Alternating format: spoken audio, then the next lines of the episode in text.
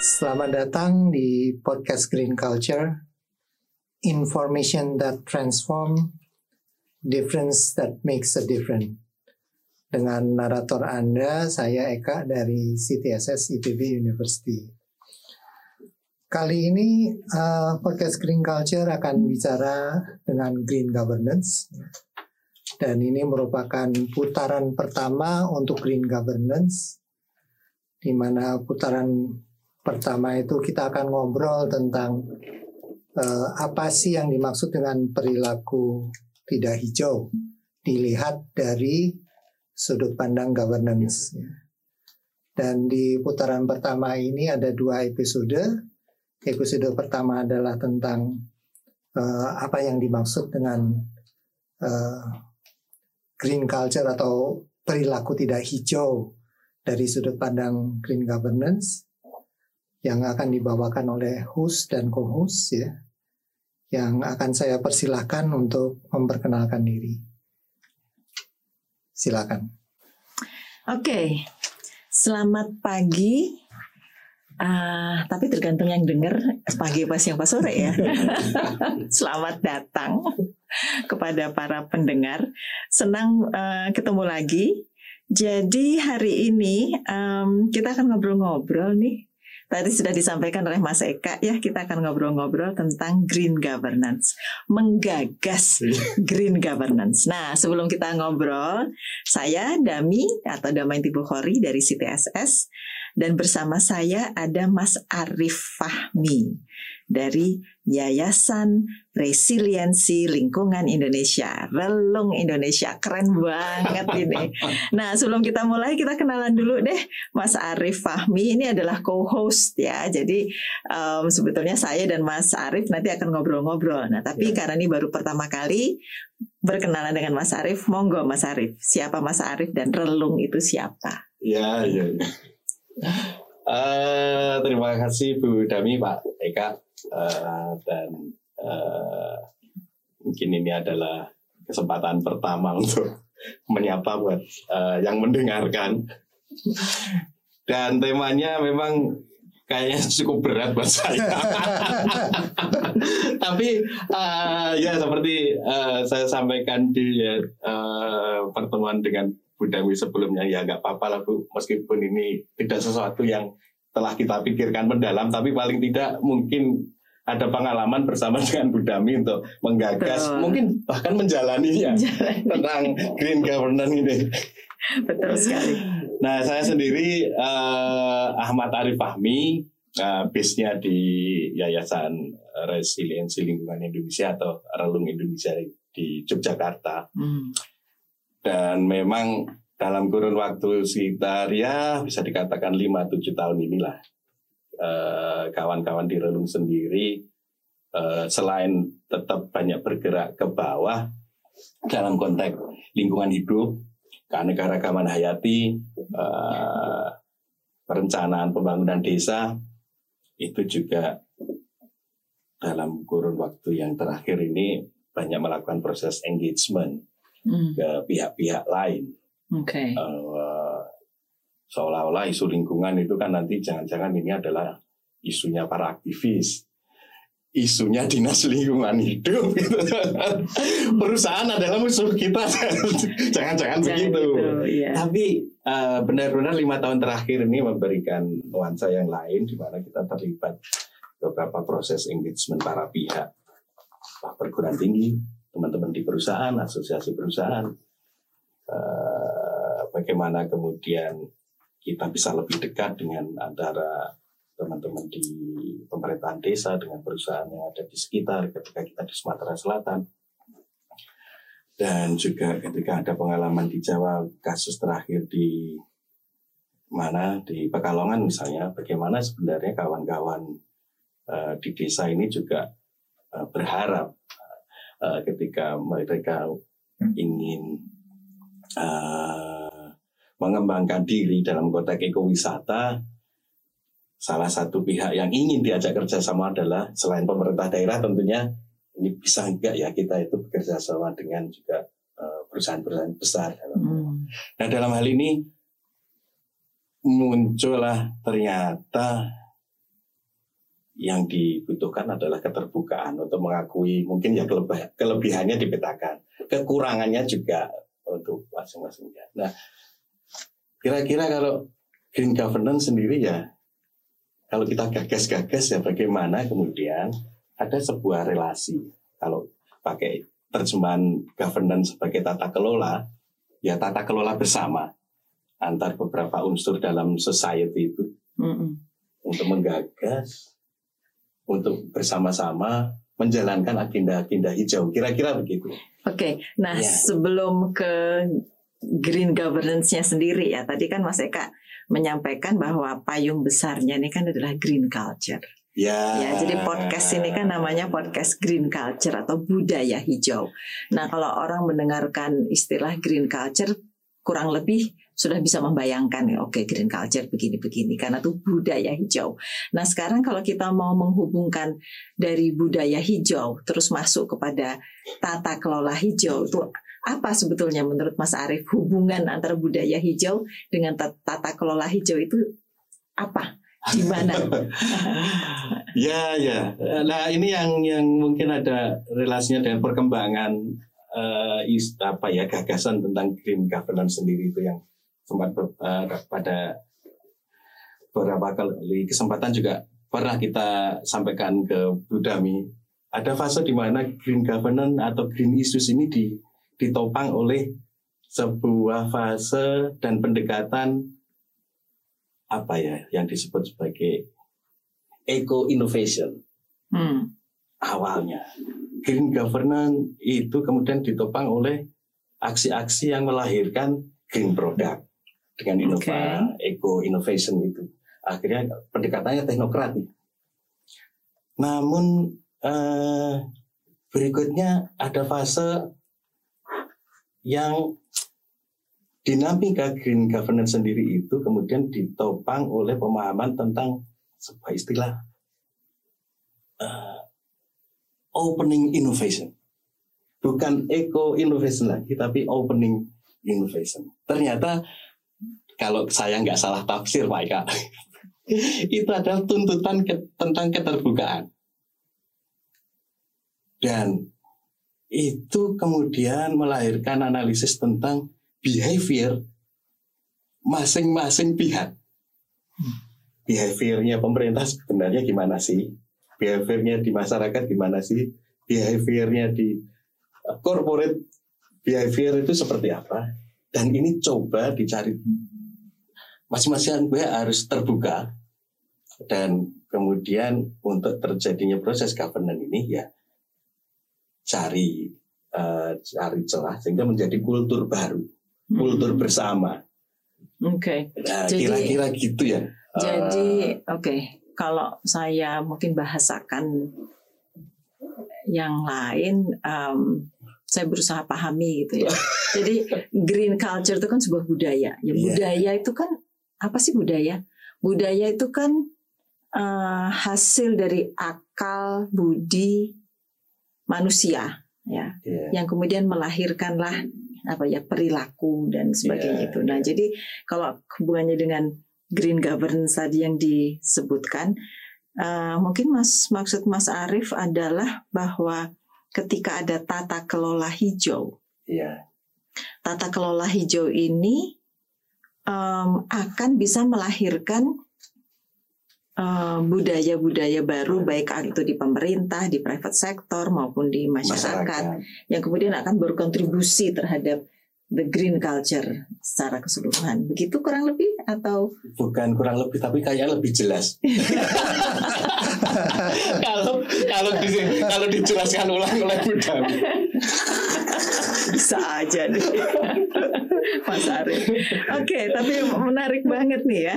Um, karena orang terus terang kalau orang ya saya kalau teman-teman NGO yang semoga menjadi pecinta setia dari podcast Green Culture ini, pasti istilah governance itu adalah sesuatu yang umum didengar. Yeah. Tapi bagi kalangan yang mungkin bukan LSM ataupun dari apa ya uh, ilmu-ilmu eksakta gitu ya kan kayak governance ki foto gitu ya jadi um, itu kenapa tadi saya nanya ke situ karena mungkin tidak semua tuh paham apa sih arti tata kelola Betul. karena begitu dengar governance pasti bayangannya government Ya. Nah. padahal kan bukan bukan pemerintah tetapi mengelola, Mengelola. gitu. tapi bedanya dengan manajemen terus apa dong Iya makanya itu kadang-kadang saya juga sering merenung dan di awal kita sempat diskusi itu yang saya sampaikan ke Pak Eka, Pak saya sedang dalam sebuah paradoks. Oke, Iya. paradoksnya kenapa? Iya iya iya. cerita- Tapi ternyata gini Pak, Eh, kira-kira prosesnya kemudian ada sebuah tulisan yang secara rileks menyampaikan bahwa ya sudahlah daripada pusing-pusing tentang istilah governance itu, dia membaginya dalam sebuah tiga ruang lingkup pema- pemahaman. Oke. Ya sudah nggak apa-apa kalau ada orang memahami yang namanya governance itu sama dengan manajemen. Oh. Ya, gitu. Sampai Oke. kalau sempat dengan salah satu teman saya bu itu governance itu salah satunya dilekatkan dengan manajemen rumah tangga ya udah nggak apa-apa Oke. family governance lah. Gitu. Iya benar juga itu. Ya Ya, ya. Bagaimana tata kelola itu? Begitu Oke. dan terus satu eh, klasifikasi atau mata pemahaman itu governance diletakkan pada konteks memang policy dan government structure. Hmm, Oke, that's important. Iya. Policy and governance Yes. structure. Oke. Meskipun sering kali saya juga sempat agak waktu puncak-puncaknya kebingungan itu sebenarnya sempat ngobrol sama Mas Eko itu. Mas Eko direktur saya. Kalau pendengarnya nggak tahu. Atau eh, senior kita itu. Mas itu sebenarnya apa sih bedanya governance dengan policy? Setiap kita searching tentang apa governance gitu munculnya jadinya policy lagi. Hmm. Bisakah kita beyond policy? Hmm. eh, ya coba dicari-cari lah nah kelihatannya ketemu yang madhab ketiga governance itu adalah sebuah apa ya semacam entah kesepakatan bersama entah sebuah gerak bersama Hmm. eh, yang kemudian itu berpengaruh terhadap tindakan unsur-unsur dalam sebuah society yang kemudian society itu ya bisa dipahami dengan macam-macam pihak tadi itu pak bisa NGO-nya bisa Hmm. masyarakatnya Masyarakatnya. di desa ataupun di kota eh, private sector dan Pemerintah. pemerintah Iya. dalam konteks ini kemudian bisa dipahami ya policy itu faktor pendukung Hmm. dari terjadinya governance Hmm. Hmm. jadi oh ya ya ya sehingga saya nggak nggak terlalu beban bu kalau gini kalau ngobrol governance kemudian sama dengan ngobrol policy saya tidak ahli policy Iya iya paham. Tapi kan pengalamannya Mas Arief luar biasa di lapangan untuk. Jadi Mas Arief ini sebetulnya sudah menjalankan green governance tanpa mendefinisikan itu apa. nah semoga nggak tersesat Nah, sekarang jadi ditanya jadi pikir oh iya ya. Oke, tapi kadang-kadang kita tuh bisa menjelaskan dengan lebih lugas ketika kita tuh melihat the opposite. Nah, Ya, tadi kan kita bicara ya, ya, banyak ya, tentang ya, ya. green governance. Sekarang kita bisa ngobrol tentang contoh tata kelola yang tidak hijau. Nah, Waduh, ini seperti apa? The opposite itu kemudian bisa membantu Ya, orang ya, untuk ya. lebih paham. Nah, Ya, sekarang contohnya gimana ya misalnya? itulah bu ketika berkah orang itu memang harus milih madhab ya Aha. ketika kita sudah milih pada yang ketiga yang opposite itu kayaknya enak Hmm. ketika kita menempatkan uh, uh, opening innovation sebagai landasan kita menerjemahkan governance tadi kemudian tadi tentang ya udah itu terkait dengan governance itu relasi kesepakatan gerak bersama di antara unsur-unsur dalam society nah yang opposite adalah ketidakterbukaan Hmm. mental merasa benar sendiri, merasa unggul sendiri, perannya paling besar, atau sama ada posisi di mana kita menganggap salah satu pihak musuh mungkin lah, Hmm. Hmm. Mungkin dalam fase-fase tertentu juga terjadi baik di dalam eh, tingkatan pemikiran maupun dipikir-pikir yang namanya masyarakat itu mesti benernya. Atau di satu pihak dalam konteks kebakaran yang pernah kita uh, sama-sama gagas kemarin ketika kolaboratif uh, mitigation itu kita uh, coba gali itu banyak juga pihak yang pokok eh kalau wis terjadi kobongan kebakaran ya masyarakat itu yang nyulut gitu. Iya. ada juga yang begitu nah, Hmm. nah, ya behavior cara berpikir atau kultur semacam ini yang memang nggak cocok akhirnya dengan Hmm.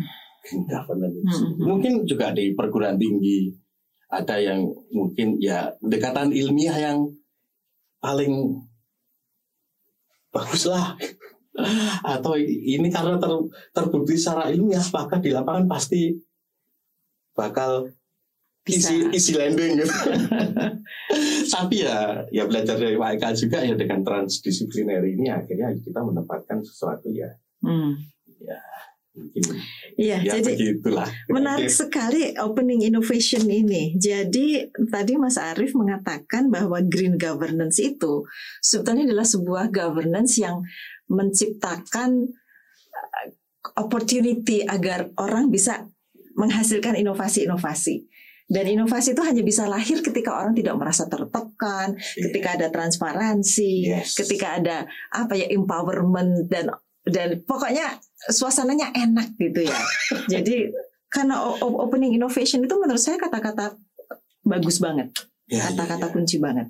Opening innovation. Yes. That is the definition of green governance Wah. secara sederhana, ya. Walaupun ya dengan dengan bahasa lebih bahasa umum mungkin ya Mas Eka ya. Ya, ya, ya. Opening Ya, innovation. eh, ini eh, dari obrolan yang seru ini, saya saya melihatnya begini ya. Tadi Mas Arief kan bilang pertama ada eco innovation Iya, iya, iya. yang lebih fokus kepada produk. Iya, iya. Kemudian selanjutnya itu ada opening innovation. Iya. Ya ini saya melihatnya eh, opening innovation ini adalah sebagai suatu proses. Iya. Karena kalau kita fokus kepada produk, ya kembali produknya itu untuk siapa sih? Eh, siapa yang buat gitu Ya. kan? Kalau kalau prosesnya itu tidak tidak mazhab ketiganya tidak bergerak sama ya produknya juga ya akhirnya begitu kan hanya Ya, ya, ya, ya. mementingkan beberapa pihak gitu Ya, ya, ya, ya. bukannya ini ya. Nah, dari opening innovation ini kalau saya gambarkan sebagai suatu proses ya Ya. untuk menghasilkan produk eh, untuk kepentingan bersama yang green ya. Ya, berarti memang eh, apa ya istilahnya? Ya ya tidak ada opposite side ya. Ya. Semua saling mendukung gitu. Hmm. Ya. Dan Ya. satu hal lagi itu kadang ada tuntutan untuk me- bagaimana gerak bersama itu juga membuat semacam agenda dan prestasi bersama. Hmm. Jadi, jadi setelah baca konsepsi ini kayak ingat waktu kita itu pada konteks Sumatera Selatan tuh bersama-sama menyusun indikator Iya. apa itu green landscape atau apa itu yang Hmm. kemudian kita jalankan dalam proses workshop bersama-sama. Iya. Kita sepakat itu Pak indikator untuk menurunkan eh, apa misalnya Misalnya emisi. emisi Hmm. itu ya kita susun bareng teman-teman dari desa, Hmm. eh, dari perusahaan, dari Hmm. Pemda sendiri dan Hmm. ya melahirkan dokumen yang kira-kira itu labelnya green governance juga. Green governance sudah ada. Jadi bukti dari green governance itu sudah ada pada sebuah proyek di Sumatera Selatan. Nah, ini sekalian sekalian kampanye nih. Bareng-bareng itu. Iya, iya, iya. Iya, iya. Iya, Ya. iya. Hmm. Tapi tapi kan kata kuncinya tadi adalah eh, bergerak bersama dan keterbukaan ya. Nah, Iya, iya. Eh, untuk bisa bersama perlu keterbukaan. Tanpa keterbukaan tidak bisa bersama atau bersama secara parsial lah gitu ya.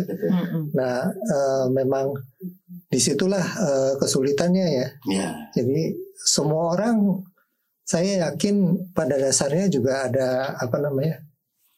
Ada unsur subjektif ya. Iya. Ya kan semua orang melihat fenomena atau gejala itu dari sudut pandang dia. Sudut pandang dia yang dibangun dari pengalaman hidup Ya. dan segala macam ya. Jadi ya itu suatu hal yang tidak bisa dihindari Betul. dan tidak perlu dihindari. Ya. Ya. Yang Masa- perlu itu diobrolin bareng gitu loh. Kan bergerak bersama. itu Iya. kalau nggak ngobrol duluan gimana Iya. jalan itu Iya. Ya. Tapi ada yang mengatakan kalau demikian yang dipakai memang mungkin harga yang harus dibayar adalah prosesnya itu lama ya. Oh. Jadi kalau top down itu kan ayo kerja cet, cet, cet, cet, selesai itu. Iya. Nah, ini kan green governance sih mengatakan bahwa kita yaitu tadi ngobrol bersama, ada pemahaman. Jadi Betul. harga yang harus dibayar adalah waktu dan sebagainya. Ya. Nah, jadi kalau kita bicara tentang eh ya cepat-cepat-cepat, nah, gitu ya. Nah, itu apakah bisa dikatakan Iya. ternyata itu dilihat dari kacamata green governance kurang begitu tepat? Iya. Gimana menurut Mas Arief? Jadi ya itu Pak Eka Bu Dami lebih menjelaskan lagi. Iya, Toki. Emang ya akhirnya dalam proses-proses eh, yang kita cari akhirnya itu mungkin istilahnya investasi janjian itu Hmm, ngobrol Betul. itu butuh janjian sinkronisasi waktu dan itu Iya. memang nggak bisa kemudian Hah, dilakukan cepat tapi kalau itu berhasil luar biasa. luar biasa Ya. Makanya negara besar itu repotnya di situ ya. Penduduknya besar, eh, beragam, ya, kulturnya beda, budayanya beda, Ya, ingin menuju sebuah arah yang sama ke depan gitu. Iya. Ya harusnya mau berproses ya. Nah ini menarik nih kalau kita bicara tentang bahwa kita perlu proses dan proses itu lambat ya. Iya, iya, iya. Nah kalau ini saya sih cenderung eh, menyikapinya seperti orang Jogja. Ya, yang namanya Gitu. ya, Kok Jogja gimana kok nggak Solo gitu loh. yang namanya lebih lambat itu berarti lebih cepat gitu. Nah, Ah. Ya karena lambat itu dalam arti mungkin kita memerlukan waktu pendalaman ya. Iya. Tapi dari pendalaman itu harus eh, keluar suatu hmm, suatu program atau suatu tindakan langkah ya yang yang bisa dilaksanakan secara tep- cepat dan tepat gitu. Iya. Jadi mikir boleh lama, eksekusi harus cepat. Nah. Nah, ini ini ya eh, berdasarkan pengalaman saya ya saya kerja eh, di swasta ini Jogja sama Jepang sama loh. Iya. Jepang itu juga gitu kaizen itu yang namanya kaizen itu ya iya, iya, iya. mikirnya lama tapi ngerjainnya cepat. Wah, Gitu. penting ini. Ya. Iya jadi menurut saya waktu itu ya itu nggak usah ditakutin lah gitu ya. Iya, iya. menarik Iya, gitu. iya. Tapi jangan sampai yang ditakutin itu obrolan. Kalau sudah takut ngobrol, Nah, Nah, salah. ya. iya iya. benar benar benar benar sekali. Tapi ini menarik nih. Jadi diskusinya kita tentang green governance itu bukan bicara oh tata kelola strukturnya gini-gini, tapi kita berbicara tentang green governance yang betul-betul membumi, Ya, menghayati dan betul. dan semoga Ya kalau kena di hati. kalau tata kelola atau sama dengan policy itu saya langsung atas. Langsung Nah, itu dia. ya. Policy itu alat. Iya. Policy itu Nah, alat, itu, salah Pak satu alat. Iya, iya, iya. Tapi Iya. bukanlah eh, landasan sa- utama. Ya. satu-satunya alat. ya. Betul, betul. Ya. Bukannya kita punya satu alat yang namanya palu dan semua hal itu dilihat sebagai paku Ya. yang harus dipalu gitu kan. Kurang lebih begitu ya. Bahaya kalau. Ya, ya, ya. ya. Oke. Nah, jadi kalau kita masuk ke berikutnya gitu ya. em, kalau menurut Mas Arief, peran para pihak ya Ya. di dalam eh, tata kelola itu sendiri jadi apa? Iya, iya, iya. Memang kalau kita kemudian membahas ya tiga komponen utama ya, masyarakat, pemerintah, eh, private sector, seolah-olah masing-masing ada yang pada sisi-sisi tertentu seolah-olah berhadapan-hadapan. Hmm. Yang itu kadang-kadang kemudian di apa ya kalau dalam mekanisasi di mobil itu apa pak ada roda gendeng gitu Oh, roda gila. Roda gila itu, Iya. roda gilanya. Apa atau prime over ya. Yang bisa yang mentransfer power dari mesin ke gardan supaya mobil jalan. Ya, Yang tahu mobil langsung nangkep. ya enggak enggak saya cuma Ya. what the hell is that? ya perannya itu. memang harus ada yang memposisikan sebagai itu. Oke, oke, Bisa oke. teman-teman di NGO, bisa di perguruan tinggi saya pikir. Ah, kadang-kadang kalau Menarik. memang kalau dari pihak private sektornya itu kelebihan energi ya boleh-boleh aja sih Pak. Hmm, gitu ya. Tapi juga kita mungkin menemukan beberapa aktor di pemerintahan yang Hmm. menyediakan dirinya tidak bekerja dalam konteks sebagai Hmm. eh, birokrasi semata, mm, tapi juga menempatkan beberapa aktor yang terpilih dalam suasana yang lebih demokratis ini kadang memilihnya dia itu ya sebagai orang yang harus mengengagement banyak pihak Oke. itu eh, tapi yang jelas harus ada eh, kayaknya yang entah di awal atau nanti juga di tengah-tengah proses itu yang yang menjadi roda gilanya Hmm. dan tuntutan Hmm. yang lain ya opening Mm-mm. eh, Opening innovation. innovation tadi dan Hmm. eh, yang namanya tadi Pak behavior itu kan tidak melekat pada orang per orang institusi juga punya Hmm, itu dia. uh, behavior sehingga sebuah pada sebuah kesempatan ketika kita membahas RPJMD misalnya di sebuah kabupaten ini sebenarnya rencana pembangunan uh, daerah atau rencana pembangunan pemerintah daerah sih Oke. Ini Iya, iya. ini ini rencana ini rencananya si uh, semua aktor pembangunan yang ada di desa atau rencananya pemerintah tapi Hmm. karena yang memproduksi itu pemerintah seolah-olah menjadi rencana pembangunan semua aktor pembangunan di daerah yang lain dilibatin dong Hmm. kan nggak apa-apa misalnya Iya. bahwa ini yang namanya teman-teman di perusahaan bikin programming ataupun planning di CSR-nya Hmm. masukin dong dalam Iya, iya, iya. Tapi kalau gitu green governance itu sebetulnya penuh dengan seni ya. It is an art ya. mudah-mudahan Mudah-mudahan.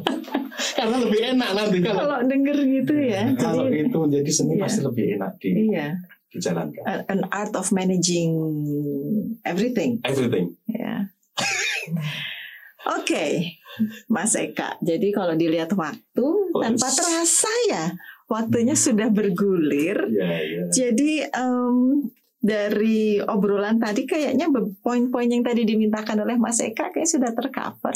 Benar. Jadi saya Sudah kembalikan lagi ke Mas Eka mungkin ya. Makasih Mas Arief. alhamdulillah Ya. Sampai ketemu lagi di podcast berikutnya. Ya, sama-sama. eh, jadi- Terima kasih. Terima kasih Bu Dami dan Mas Arief ya. Memang eh, sudah sudah tertangkap poinnya walaupun menurut saya eh, secara implisit ya. Jadi yang kita bicarakan itu adalah yang green itu kayak apa kan? ya Tapi kita tidak mengatakan yang tidak green itu kayak apa. Tapi otomatis eh, seharusnya bisa dipahami. Eh, terima kasih sekali eh, atas kedatangannya hari ini dan masih ada satu episode lagi, episode kedua untuk putaran eh, pertama ini ya, yang nanti eh, subtema ya, subtemanya adalah dari mana sih gitu loh, dari mana sih ketidakhijauan ini gitu ya, atau dari mana sih eh, supaya bisa hijau gitu ya. Ya. Nah, untuk kali ini, podcast kali ini saya tutup. Terima kasih. Sampai ketemu di episode 2 putaran pertama.